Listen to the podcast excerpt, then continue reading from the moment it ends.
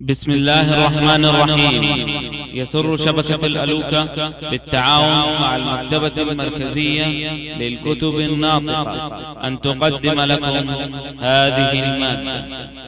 موارد الظمآن لدروس الزمان. خطب وحكم وأحكام وقواعد ومواعظ وآداب وأخلاق حسان. الجزء الأول. نواصل القراءة في فصل في العلم وفضله. وكانوا يستقبلون البلايا بالصبر الجميل لعلمهم أنها بتقدير وتصريف الحكيم الخبير وكانوا دائما يستقبلون النعم بالشكر والحمد والثناء على الله لجزمهم أنها ليست منهم ولا من سائر المخلوقين بل من الكريم الدائم الإحسان.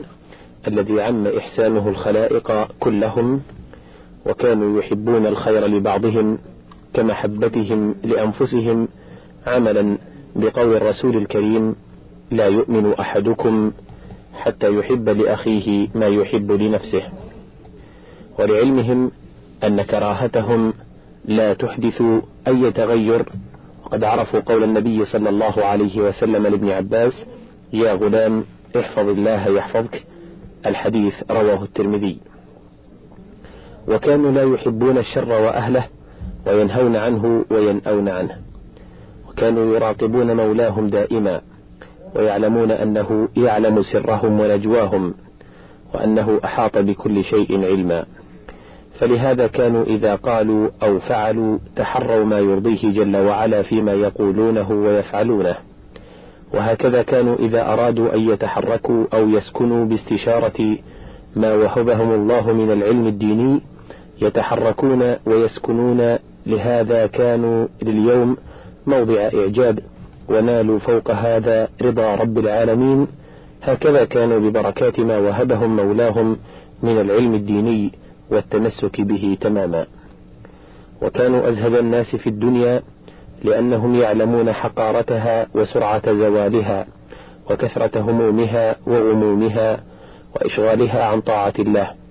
ولذلك كان الناس يقدرونهم ويضربون بهم الأمثال وأنت ترى أنه على قدر قناعة العلماء في الدنيا تكون مكانتهم في نفوس الناس والتفافهم حولهم والاستماع لنصائحهم والانقياد لإرشاداتهم والرجوع إليهم فيما يشكل عليهم وعلى قدر تعلق العلماء بالدنيا وتوجههم إليها تكون زهادة الناس في العلماء وعدم الثقة بهم واتهامهم والنفرة منهم وأكل لحومهم وعدم قبول كلامهم وإرشادهم ونصائحهم.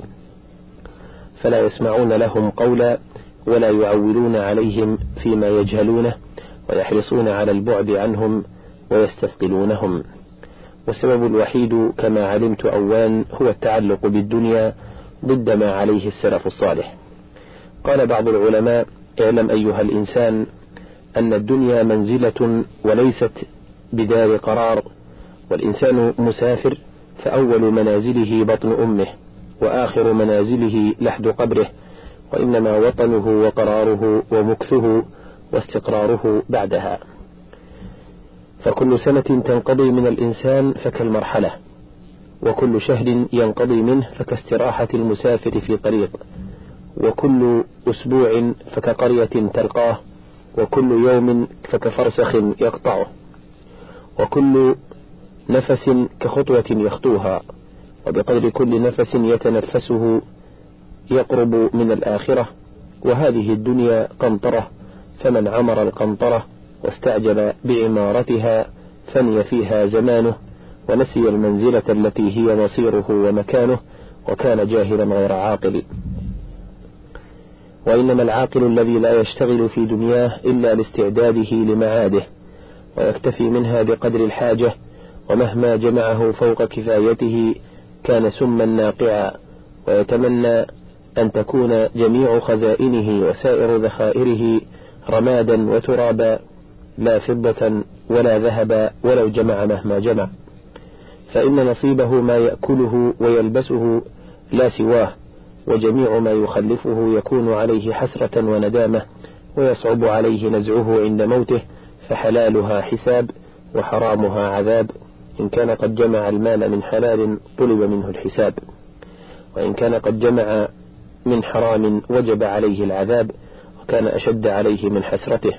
حلول العذاب في حفرته ومع هذا جميعه إذا كان إيمانه صحيحا سالما لحضرة الديان فلا وجه ليأسه من الرحمة والرضوان فإن الله جواد كريم غفور رحيم. واعلم أن راحة الدنيا أيام وأكثرها منغص بالتعب مشوب بالنصب وبسببها تفوت راحة الآخرة التي هي الدائمة والملك الذي لا نهاية له ولا فناء. فيسهل على العاقل أن يصبر في هذه الأيام القلائل لينال راحة دائمة بلا انقضاء. قال ابن القيم رحمه الله كل من آثر الدنيا من أهل العلم واستحبها فلا بد أن يقول على الله غير الحق في فتواه وحكمه. في خبره وإلزامه لأن أحكام الرب سبحانه كثيرا ما تأتي على خلاف أغراض الناس ولا سيما أهل الرياسة والذين يتبعون الشبهات فإنهم لا تتم لهم أغراضهم إلا بمخالفة الحق ودفعه كثيرا. فإذا كان العالم والحاكم محبين للرياسة متبعين للشهوات لم يتم لهما ذلك إلا بدفع ما يضاده من الحق ولا سيما إذا قامت له شبهة فتتفق الشبهة والشهوة ويثور الهوى فيخفى الصواب وينطمس وجه الحق. وإذا كان ظاهرا لا خفاء به ولا شبهة فيه أقدم على مخالفته وقال لي مخرج بالتوبة وفي هؤلاء وأشباههم. قال تعالى فخلف من بعدهم خلف ورثوا الكتاب يأخذون عرض هذا الأدنى ويقولون سيغفر لنا وإن يأتهم عرض مثله يأخذوه ألم يؤخذ عليهم ميثاق الكتاب ألا يقولوا على الله إلا الحق ودرسوا ما فيه والدار الآخرة خير للذين يتقون أفلا تعقلون. فأخبر سبحانه أنهم أخذوا العرض الأدنى مع علمهم بتحريمه عليهم وقالوا سيغفر لنا. وإن عرض لهم عرض آخر أخذوه فهم مصرون على ذلك وهو الحامل لهم على أن يقولوا على الله غير الحق فيقولون هذا حكمه وشرعه ودينه وهم يعلمون أن دينه وشرعه وحكمه يخالف ذلك أو لا يعلمون أن ذلك دينه وشرعه وحكمه. فتارة يقولون على الله ما لا يعلمون وتارة يقولون عليه ما يعلمون بطلانه. قال وهؤلاء لا بد أن يبتدعوا في الدين مع الفجور في العمل فيجتمع لهم الأمران فإن اتباع الهوى يعمي عين القلب فلا يميز بين السنة والبدعة أو ينكسه فيرى البدعة سنة والسنة بدعة فهذه آفة العلماء إذا آثروا الدنيا واتبعوا الرياسات والشهوات وهذه الآيات فيهم إلى قوله تعالى واتل عليهم نبأ الذي آتيناه آياتنا فانسلخ منها فأتبعه الشيطان فكان من الغاوين ولو شئنا لرفعناه بها ولكنه أخلد إلى الأرض واتبع هواه فمثله كمثل الكلب إن تحمل عليه يلهث أو تتركه يلهث. فهذا مثل عالم السوء الذي يعمل بخلاف علمه. وختاما فإن العاقل اللبيب يتأسف على إهمال كتاب الله وسنة رسوله صلى الله عليه وسلم وكتب أهل العلم والإيمان يبني عليهما الغبار ويستبدل بهما قتل الوقت في ألو وكم باع فلان وكم شرى فلان وأين قضيت العطلة فيه وأين تقضي المستقبله وارفع الجريدة وأعطني الأخرى وأين المجلة الفلانية وما الذي ظهر في التلفزيون وماذا بالإذاعة الفلانية؟ هذا وأمثاله كثير من نواحي معلوماتنا معشر هذا الجيل يشب الواحد منا ويشيب وهو جاهل بسير سلفنا وتطبيقها والاقتداء بمن أمرنا سيدنا ومولانا باتباعهم من رسله الكرام ومن اقتدى بهم وحذا حذوهم ونهج منهجهم ممن تتجافى جنوبهم عن المضاجع يدعون ربهم خوفا وطمعا ومما رزقهم مولاهم ينفقون. وعباد الرحمن الذين يمشون على الأرض هونا وإذا خاطبهم الجاهلون قالوا سلاما إلى آخر السورة.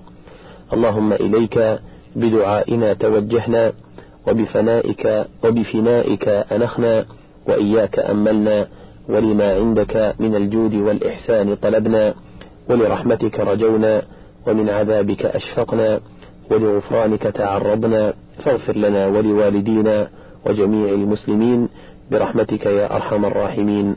وصلى الله على محمد وعلى آله وصحبه أجمعين. هذه قصيدة تحتوي على الحث على طلب العلم والزهد في الدنيا والإقبال على الآخرة. تفت فؤادك الأيام فتا وتنحت جسمك الساعات نحتا وتدعوك المنون دعاء صدق ألا يا صاحي أنت أريد أنت؟ أراك تحب عرسا ذات خدر؟ أبت طلاقها الأكياس بتا تنام الدهر ويحك في غطيط بها حتى إذا مت انتبهت فكم ذا أنت مخدوع فحتى متى لا ترعوي عنها وحتى؟ أيا بكر دعوتك لو أجبت إلى ما فيه حظك لو عقلت إلى علم تكون به إماما مطاعا إن نهيت وإن أمرت. ويجلو ما بعينك من غشاء ويهديك الصراط إذا ضللت وتحمل منه في ناديك تاجا ويكسوك الجمال إذا اغتربت. ينالك نفعه ما دمت حيا ويبقى ذكره لك إن ذهبت. هو العضب المهند ليس يكبو تنال به مقاتل من ضربت. وكنز لا تخاف عليه لصا خفيف الحمل يوجد حيث كنت. يزيد بكثرة الإنفاق منه وينقص إن به كفا شددت فلو قد ذقت من حلواه طعما لآثرت التعلم واجتهدت ولم يشغلك عنه هوى مطاع ولا دنيا بزخرفها فتنت ولا يلهيك عنه أنيق روض ولا خود بزينتها كلفت. فقوت الروح أرواح المعالي وليس بأن طعمت وأن شربت. فواظبه وخذ بالجد فيه فإن أعطاكه الباري أخذت وإن أوتيت فيه بطول باع وقال الناس إنك قد سبقت فلا تأمن سؤال الله فيه بتوبيخ علمت فهل عملت؟ فرأس العلم تقوى الله حقا وليس بأن تعالى أو رئست. وضع في ثوبك الإحسان لا أن ترى ثوب الإساءة قد لبست. وإن ألقاك فهمك في مهاو فليتك ثم ليتك ما فهمت. إذا ما لم يفدك العلم خيرا فخير منه أن لو قد جهلت. ستجني من ثمار اللهو جهلا وتصغر في العيون إذا كبرت وتفقد إن جهلت وأنت باق وتوجد إن علمت إذا فقدت. ستذكر للنصيحة بعد حين وتطلبها إذا عنها شغلت. وسوف تعض من ندم عليها وما تغني الندامة إن ندمت إذا أبصرت صحبك في سماء وقد رفعوا عليك وقد سفلت فراجعها ودع عنك الهوينا فما بالبطء تدرك ما طلبت ولا تحفل بمالك واله عنه فليس المال إلا ما علمت وليس لجاهل في الناس مغنى ولو ملك الأنام له تأتى سينطق عنك مالك في ندي ويكتب عنك يوما إن كتبت وما يغنيك تشييد المباني إذا بالجهل دينك قد هدمت جعلت المال فوق العلم جهلا لعمرك في القضية ما عدلت وبينهما بنص الوحي فرق ستعلمه إذا طه قرأت لئن رفع الغني لواء مال فأنت لواء علمك قد رفعت وإن جلس الغني على الحشايا فأنت على الكواكب قد جلست وإن ركب الجياد مسومات فأنت مناهج التقوى ركبت ومهما افتض أبكار الغواني فكم بكر من الحكم افتضبت وليس يضرك الإقتار شيئا إذا ما أنت ربك قد عرفت فيا ما عنده لك من جزيل. إذا بفناء طاعته أنخت فقابل بالقبول صحيح نصحي وإن أعرضت عنه فقد خسرت. وإن راعيته قولا وفعلا وعاملت الإله به ربحت فليست هذه الدنيا بشيء تسوءك حقبة وتسر وقتا. وغايتها إذا فكرت فيها كفئك أو كحلمك إن رقدت. سجنت بها وأنت لها محب فكيف تحب من فيها سجنت؟ وتطعمك الطعام وعن قليل ستطعم منك ما منها طعمت. وتعرى إن لبست بها ثيابا وتكسى إن ملابسها خلعت. وتشهد كل يوم دفن خل كأنك لا تراد بما شهدت. ولم تخلق لتعمرها ولكن لتعبرها. فجد لما خلقت. وإن هدمت فزدها أنت هدما وحصن أمر دينك ما استطعت ولا تحزن لما قد فات منها إذا ما أنت في أخراك فزت فليس بنافع ما نلت منها من الفاني إذا الباقي حرمت ولا تضحك مع السفهاء جهلا فإنك سوف تبكي إن ضحكت. وكيف بك السرور وأنت رهن؟ ولا تدري غدا أن لو غلبت. وسل من ربك وسل من ربك التوفيق فيها. وأخلص في الدعاء إذا سألت. ونادي إذا سجنت به اعترافا. كما ناداه ذنون بن متى. ولازم بابه قرعا عساه. سيفتح بابه لك إن قرعت. وأكثر ذكره في الأرض دأبا لتذكر, لتذكر في السماء إذا ذكرت ولا تقل الصبا فيه امتهال وفكر كم صغير قد دفنت وقل لي يا نصيحي لأنت, لأنت أولى بنصحك إذ بعقلك قد عرفت فتعذلني عن التفريط يوما وبالتفريط دهرك قد قطعت وفي صغري تخوفني المنايا وما تجري ببالك حين شخت وكنت مع الصبا أهدى سبيلا فما لك بعد شيبك قد نكست؟ وها أنا لم أخض بحر الخطايا كما قد خضته حتى غرقت ولم أشرب حمي أم دفر وأنت شربتها حتى سكرت. ولم أحلل بواد فيه ظلم وأنت حللت فيه وانتهكت ولم أنشأ بعصر فيه نفع وأنت نشأت فيه فما انتفعت. وناداك الكتاب فلم تجبه ونبهك المشيب فما انتبهت. وقد صاحبت أعلاما كثيرا فلم أرك انتفعت بمن صحبت ويقبح بالفتى فعل التصابي وأقبح منه شيخ قد تفتى فأنت أحق بالتفنيد مني. ولو سكت المسيء لما نطقت فنفسك ذم لا تذمم سواها بعيب فهي أجدر إن ذممت. ولو بكت الدمى عيناك خوفا لذنبك لم أقل لك قد أمنت فمن لك بالأمان وأنت عبد أمرت. فما ائتمرت ولا أطعت فسرت القهقرى وهبطت عشوا لعمرك لو وصلت لما رجعت فقلت من الذنوب ولست أخشى لجهلك أن تخف إذا وزنت ولو وافيت ربك دون ذنب وناقشك الحساب إذا هلكت ولم يظلمك في عمل ولكن عسير أن تقوم بما حملت توجع للمصر على الخطايا وترحمه ونفسك ما رحمت. ولو قد جئت يوم الفصل فردا وأبصرت المنازل فيه شتى لأعظمت الندامة فيه لهفا على ما في حياتك قد أضعت. تفر من الهجير وتتقيه فهلا من جهنم قد فررت. ولست تطيق أهوانا عذابا ولو كنت الحديد به لذبت.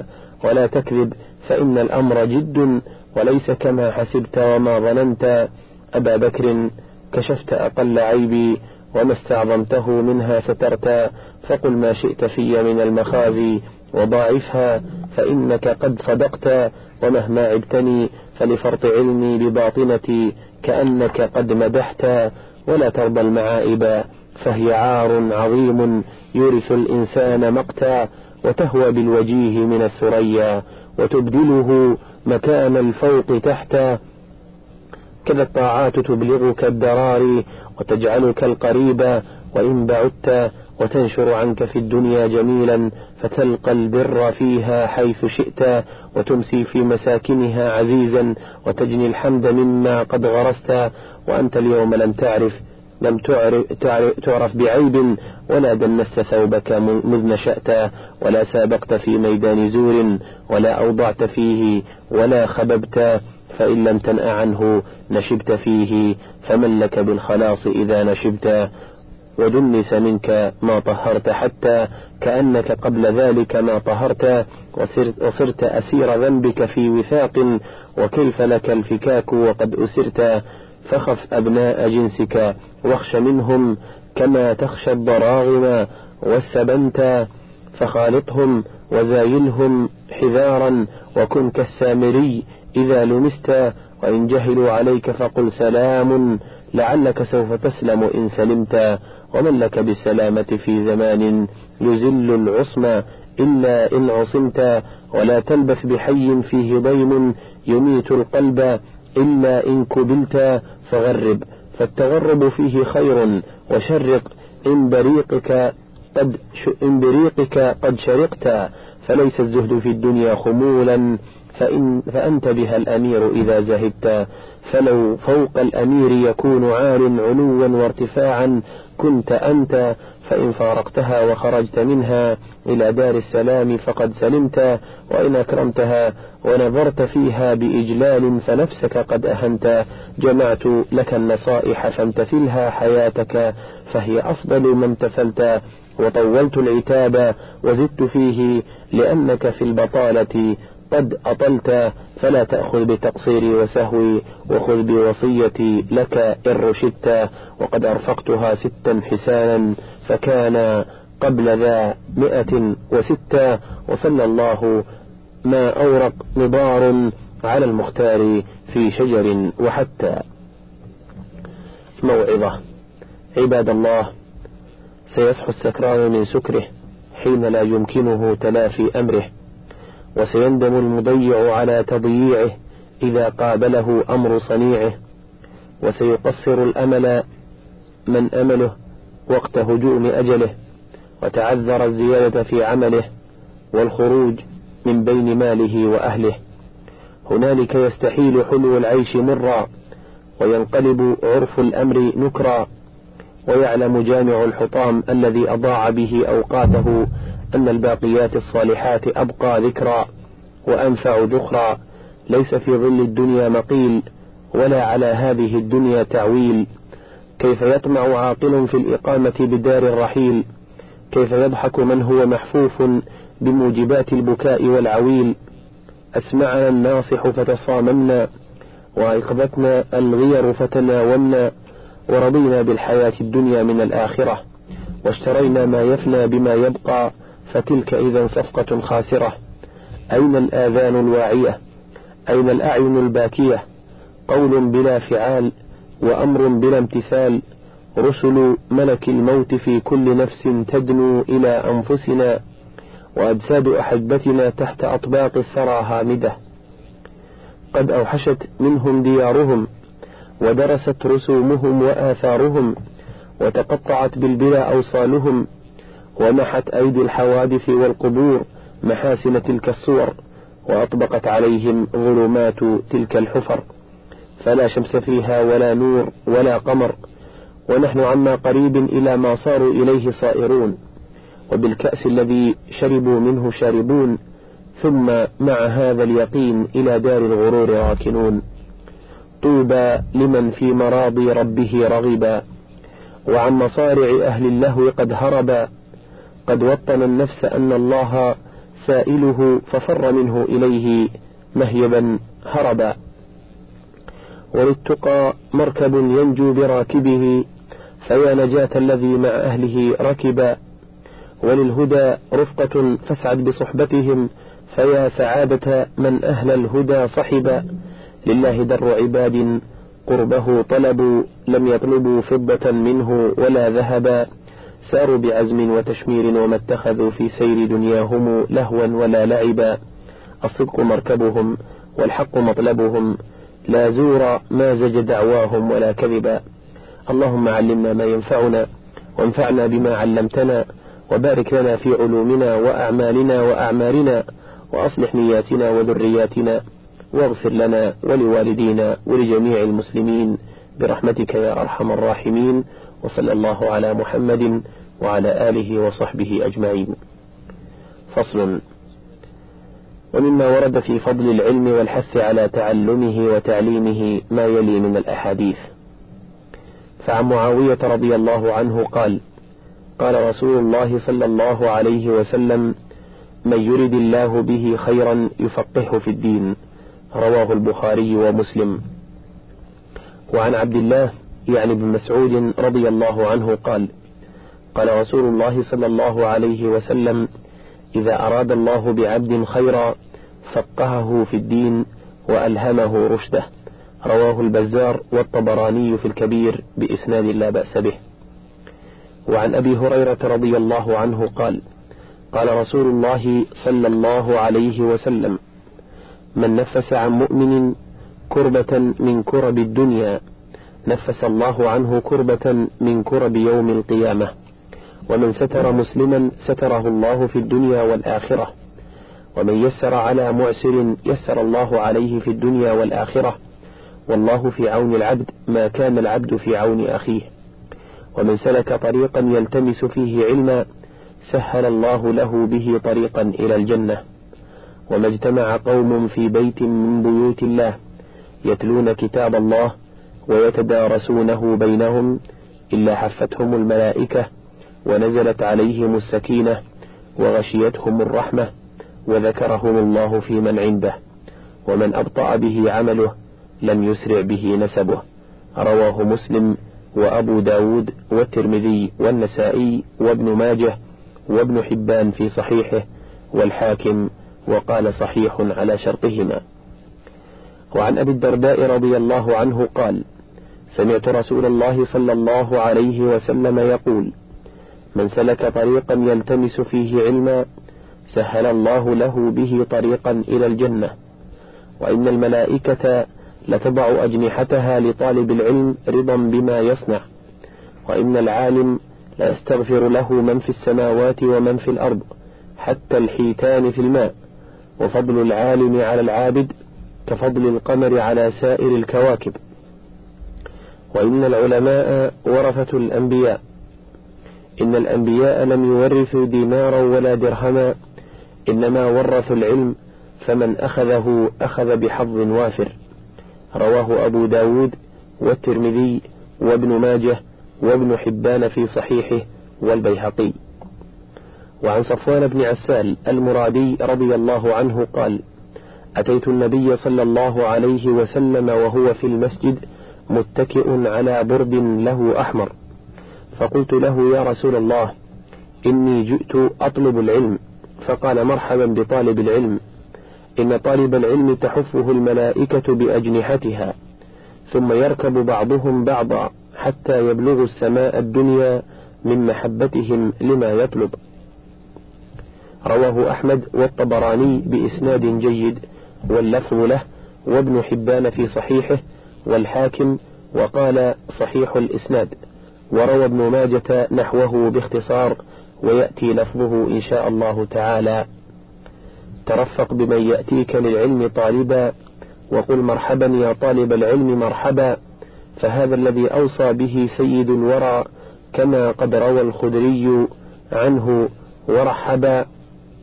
ومن سهل الله الطريق لجنة له لجدير بالترحب والحبا. وروي عن أنس بن مالك رضي الله عنه قال قال رسول الله صلى الله عليه وسلم طلب العلم فريضة على كل مسلم وواضع العلم عند غير أهله كمقلد الخنازير الجوهر واللؤلؤ والذهب. رواه ابن ماجه وغيره. وروي عن ابن عباس رضي الله عنهما قال قال رسول الله صلى الله عليه وسلم من جاءه أجله وهو يطلب العلم لقي الله ولم يكن بينه وبين النبيين إلا درجة النبوة. رواه الطبراني في الأوسط. وروي عن سخبرة رضي الله عنه قال مر رجلان على رسول الله صلى الله عليه وسلم وهو يذكر فقال اجلسا فإنكما على خير. فلما قام رسول الله صلى الله عليه وسلم وتفرق عنه أصحابه قام فقال يا رسول الله إنك قلت لنا اجلسا فإنكما على خير ألنا خاصة أم للناس عامة؟ فقال ما من عبد يطلب العلم إلا كان كفارة ما تقدم. رواه الترمذي مختصرا والطبراني في الكبير واللفظ له. قال بعض العلماء من غرس العلم اجتنى النباهة ومن غرس الزهد اجتنى العزة ومن غرس الإحسان اجتنى المحبة ومن غرس الفكرة اجتنى الحكمة ومن غرس الوقار اجتنى المهابة ومن غرس المداراة اجتنى السلامة ومن غرس الكبر اجتنى المقت ومن غرس الحرص اجتنى الذل الذلة ومن غرس الطمع اجتنى الخزي ومن غرس الحسد اجتنى الحزن والكمد. وعن عمر رضي الله عنه قال قال رسول الله صلى الله عليه وسلم ما اكتسب مكتسب مثل فضل علم يهدي صاحبه إلى هدى أو يرده عن ردى وما استقام دينه حتى يستقيم عمله. رواه الطبراني في الكبير واللفظ والصغير إلا أنه قال فيه حتى يستقيم عقله وإسنادهما متقارب. وروي عن أبي ذر وأبي هريرة رضي الله عنهما أنهما قالا لباب يتعلمه الرجل أحب إلى الله من ألف ركعة تطوعا. وقال قال رسول الله صلى الله عليه وسلم إذا جاء الموت لطالب العلم وهو على هذه الحالة مات وهو شهيد. رواه البزار والطبراني في الأوسط إلا أنه قال خير له من ألف ركعة. وعن أبي ذر رضي الله عنه قال قال رسول الله صلى الله عليه وسلم يا أبا ذر لأن تغدو فتعلم آية من كتاب الله خير لك من أن تصلي مئة ركعة. ولأن تغدو فتعلم بابا من العلم عمل به أو لم يعمل به خير لك من أن تصلي ألف ركعة. رواه ابن ماجه بإسناد حسن. شعراء إذا ما شئت أن تسمو وتسمى وتدرك راحة روحا وجسما فكن لطريق أهل العلم سعيا لتقفو معهم أثرا ورسما. فإن حصلت مطلوبا وإلا غفرت بأكبر الشرفين قسما. فأكرم ما حواه المرء علم به يهدى ويهدي من ألم. وليس يفيد الكون عبدا وليس يفيد هذا الكون عبدا إلى العلياء يسري وهو أعمى. فكم أبدى ضياء العلم رشدا وأذهب ظلمة وأزال غما. فنحمد ربنا إذ من لطفا به في رشدنا وأزال غما. وعن أبي هريرة رضي الله عنه قال سمعت رسول الله صلى الله عليه وسلم يقول الدنيا ملعونة ملعون ما فيها إلا ذكر الله وما والاه وعالما ومتعلما.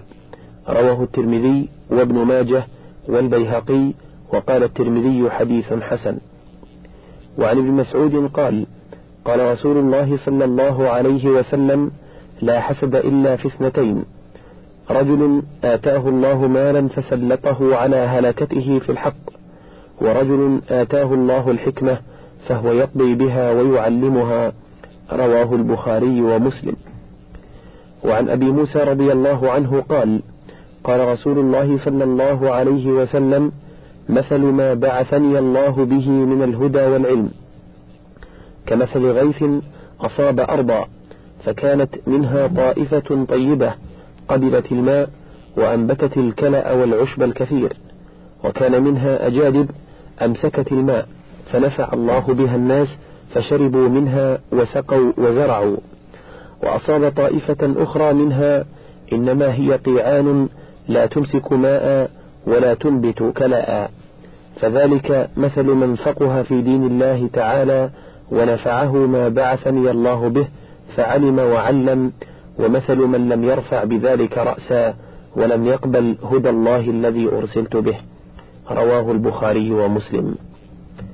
شعرا واعلم بأن العلم أرفع رتبة وأجل مكتسبا وأسنى مفخري فاسلك سبيل المقتفين له تسد إن السيادة تقتنى بالدفتر والعالم المدعو حبرا إنما سماه باسم الحبر حمل المحبر تسمو إلى ذي العلم أبصار الورى وتغض عن ذي الجهل لا بل تزدري ومضمر الأقلام يبلغ أهلها ما ليس يبلغ بالعتاق الضمري والعلم ليس بنافع أربابه ما لم يفد عملا وحسن تبصر فاعمل بعلمك توفي نفسك وزنها لا ترضى بالتضييع وزن المخسر.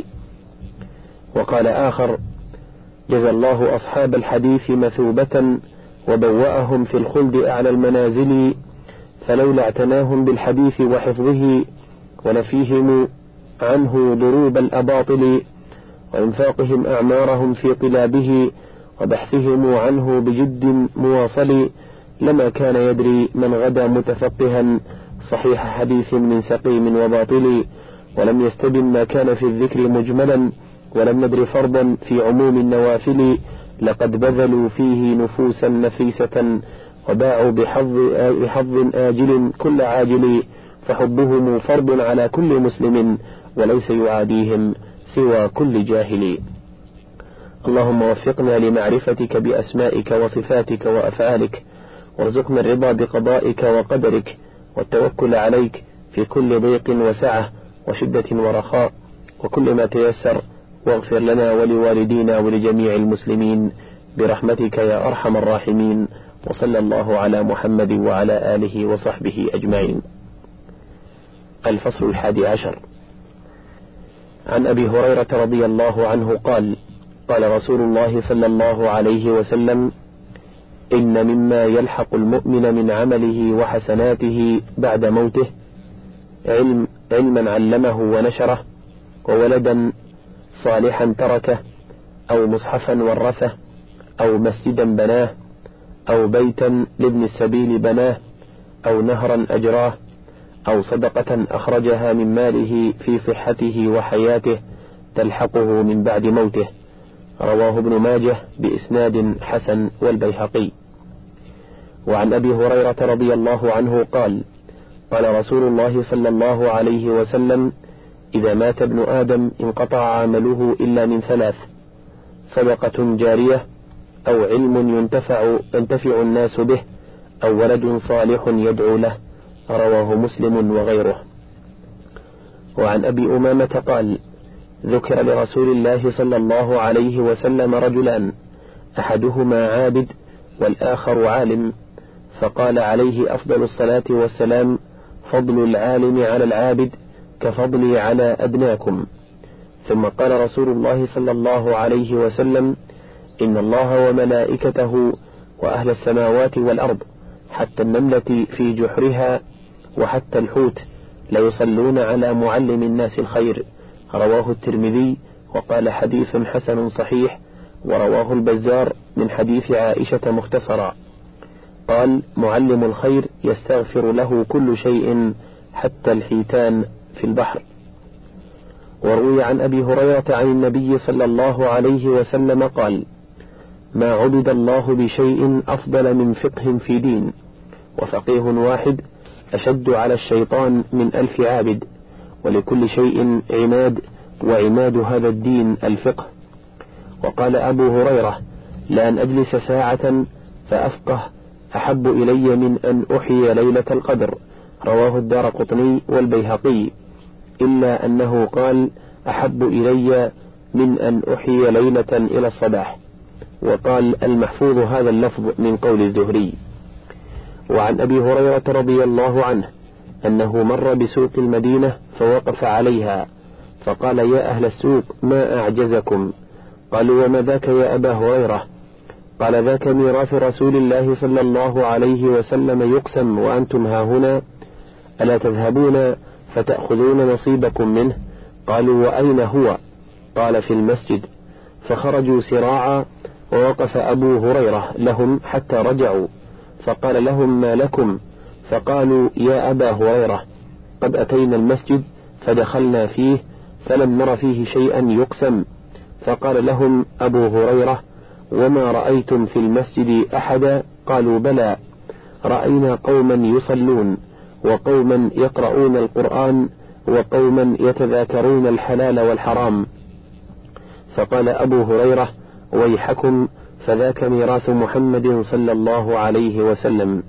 رواه الطبراني في الأوسط. بإسناد حسن. وعن جابر قال قال رسول الله صلى الله عليه وسلم العلم علمان علم في القلب فذاك العلم النافع وعلم على اللسان فذاك حجة الله على ابن آدم. رواه أبو بكر الخطيب بإسناد حسن ورواه ابن عبد البر النمري في كتاب العلم عن الحسن مرسلا بإسناد صحيح. وعن زر بن حبيش قال أتيت صفوان بن عسال المرادي رضي الله عنه قال ما جاء بك؟ قلت العلم. قال فإني سمعت رسول الله صلى الله عليه وسلم يقول ما من خارج خرج من بيته في طلب العلم إلا وضعت له الملائكة أجنحتها رضا بما يصنع. رواه الترمذي وصححه وابن ماجه واللفظ له. وابن حبان في صحيحه والحاكم وقال صحيح الإسناد. وروى عبد الله بن عمر أن رسول الله صلى الله عليه وسلم دخل المسجد فإذا هو بمجلسين أحدهما يذكرون الله تعالى والآخرون يتفقهون. فقال رسول الله صلى الله عليه وسلم كلا مجلسين على خير وأحدهما أحب إلي من صاحبه أما هؤلاء فيسألون الله تعالى ويذكرونه فإن شاء أعطاهم وإن شاء منعهم. وأما المجلس الآخر فيتعلمون الفقه ويعلمون الجاهل وإنما بعثت معلما وجلس إلى الفقه. وروي عن النبي صلى الله عليه وسلم أنه قال خيار أمتي علماؤها وخيار علمائها فقهاؤها. شعرا تعلم فإن العلم زين لأهله وفضل وعنوان بكل المحامد وكن مستفيدا كل يوم زيادة من العلم واسبح في بحور الفوائد. تفقه فإن الفقه أفضل قائد إلى البر والتقوى وأعدل قاصد. هو العلم علم الهادي إلى سنن الهدى هو الحصن ينجي من جميع الشدائد. من فضلك تابع بقية المادة.